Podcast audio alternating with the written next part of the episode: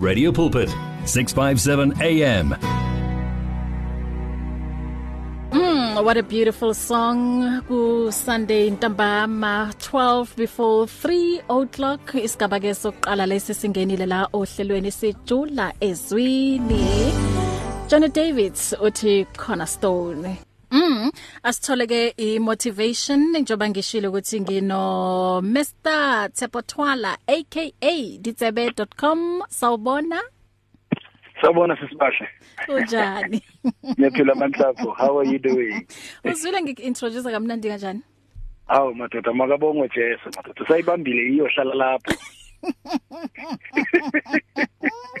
What an order. Siyabonga ukuthi siphinde sibe nawe kule ntambama.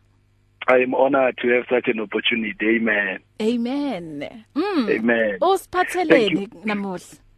Um, you know, there's a lot that is going on, uh, Manhlapo. It is not only South Africa, it is not only Zimbabwe, it is not only Angola, uh, it is not only Europe, it is the Yeah. entire globe. Mm. Uh, kwenzeka emhlabeni wonke. Yeah. But uma kwenzeka kanje then what I want to talk about today, what comes into my mind is the issue of ipie. Uyayazi ipie? Iphai Yeah. lesidlayo. Yeah, ipie esidlayo. Okay. Mhm. Angithi kukhona bukhonish. Yeah.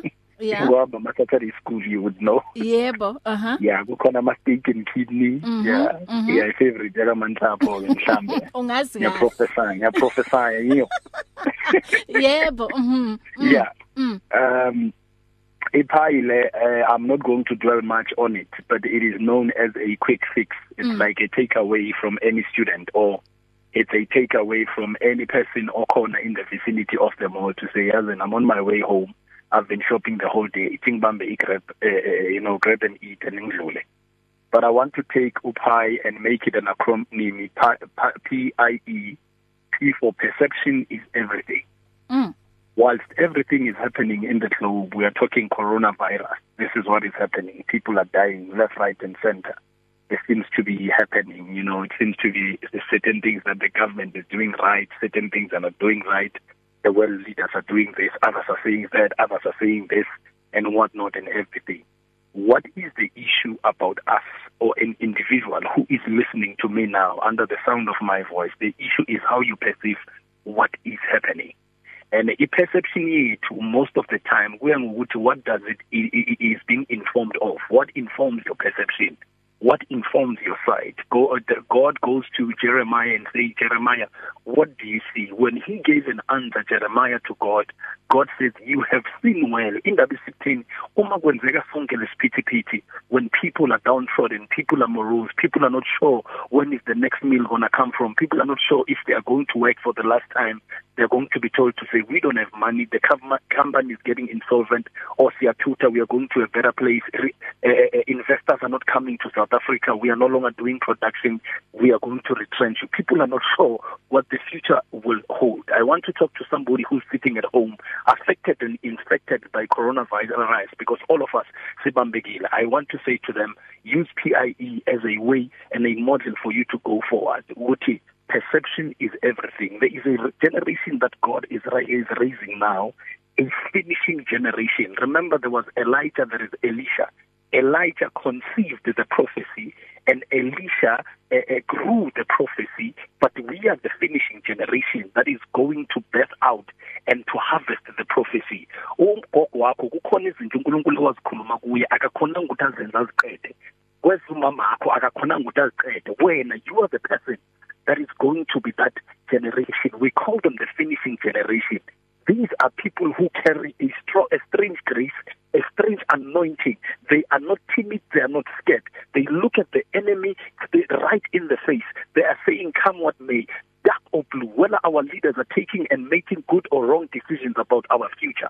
But Tina we are the ones that are called to harvest the generation or rather to harvest the prophecies. Therefore in what is happening now use PIE and to introspect yourself for what is it that you are perceiving i perceived that to me i see this as an opportunity for god to raise new leaders There's just a shift in the political scenery. There's shift in the beauty industry. There's shift in the entertainment industry. There's shift in the music industry. There's shift in the mineral and resources uh, uh, uh, uh, space.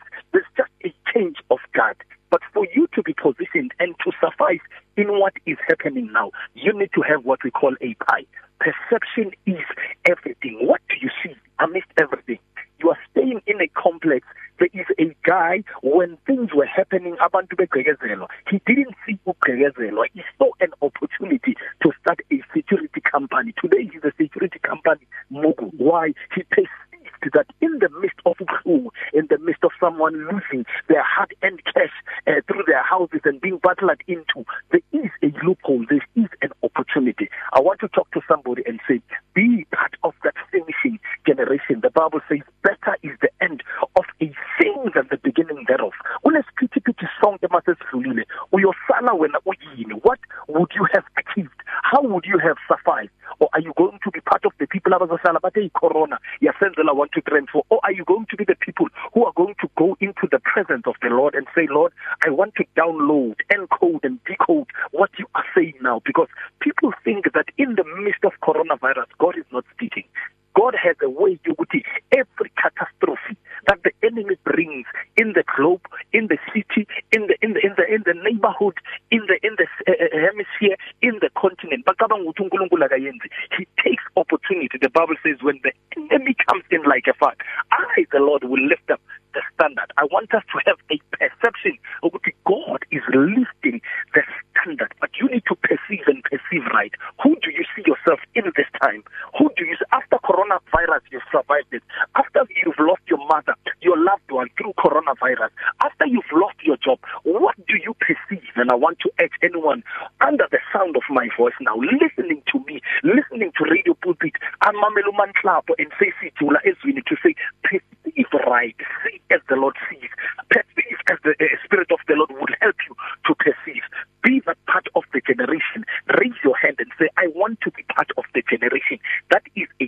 finishing generation abantu aba strange lawo manhlapo abantu abangasabi lutho abantu abathi kwenzekile yes but we are going forward these are Joshua this is a generation the Joshua generation these are barrier breakers.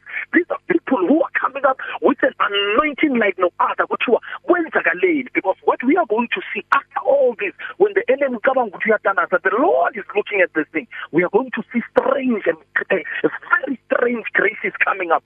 Very strange gifts in the church coming up. But the how do you position yourself? Are you going to be part of the people who are uh, mamarous and say hey irritable hey isitayile na icorona hey yayenza kanje yayenza oh you're going to be the who's going to push more in prayer? Who's going to pray more? Who's going to seek the face of the Lord more? Who's going to say but it can be done better? Who's going to be writing that song who are you in this perception is everything you need to decide I am part of the finishing generation and I urge that everyone who's listening now say I want to finish wow. and I want to finish strong the things that were spoken to our forefathers mm. to your father to your father's father. You need to be the one who's harvesting it.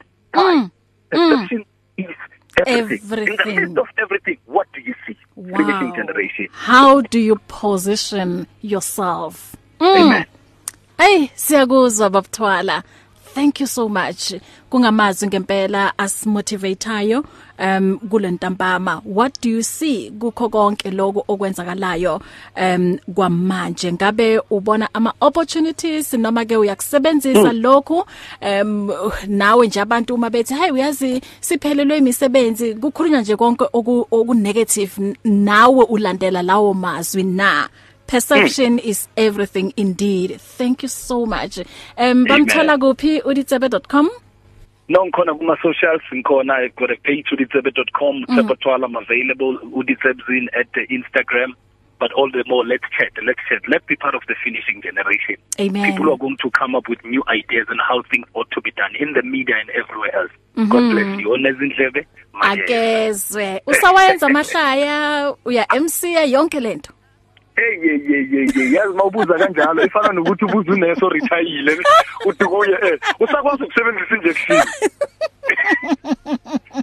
So- Njani ngoba lento iwuye yebo mhm Amen. so Amen. uyatholakala eh eh, ku social media uyatholakala na ku WhatsApp As- asibonane Ngiyatholakala. futhi next week angithi Amen. God bless you. bless you Reach your customers in the car, at the office, at home, or wherever they are, night or day. Through advertising with Radio Pulpit, you can reach a large, unique, and loyal audience in a most affordable way. With over 500,000 people on our various platforms, from Gauteng to the Cape, you simply cannot go wrong. So advertise today. Contact us on 012 334 1339 or for advertising packages that we offer, go to www.radiopulpit.co.za. Terms and conditions apply. You and 657 AM and life, a winning team on the road to eternity.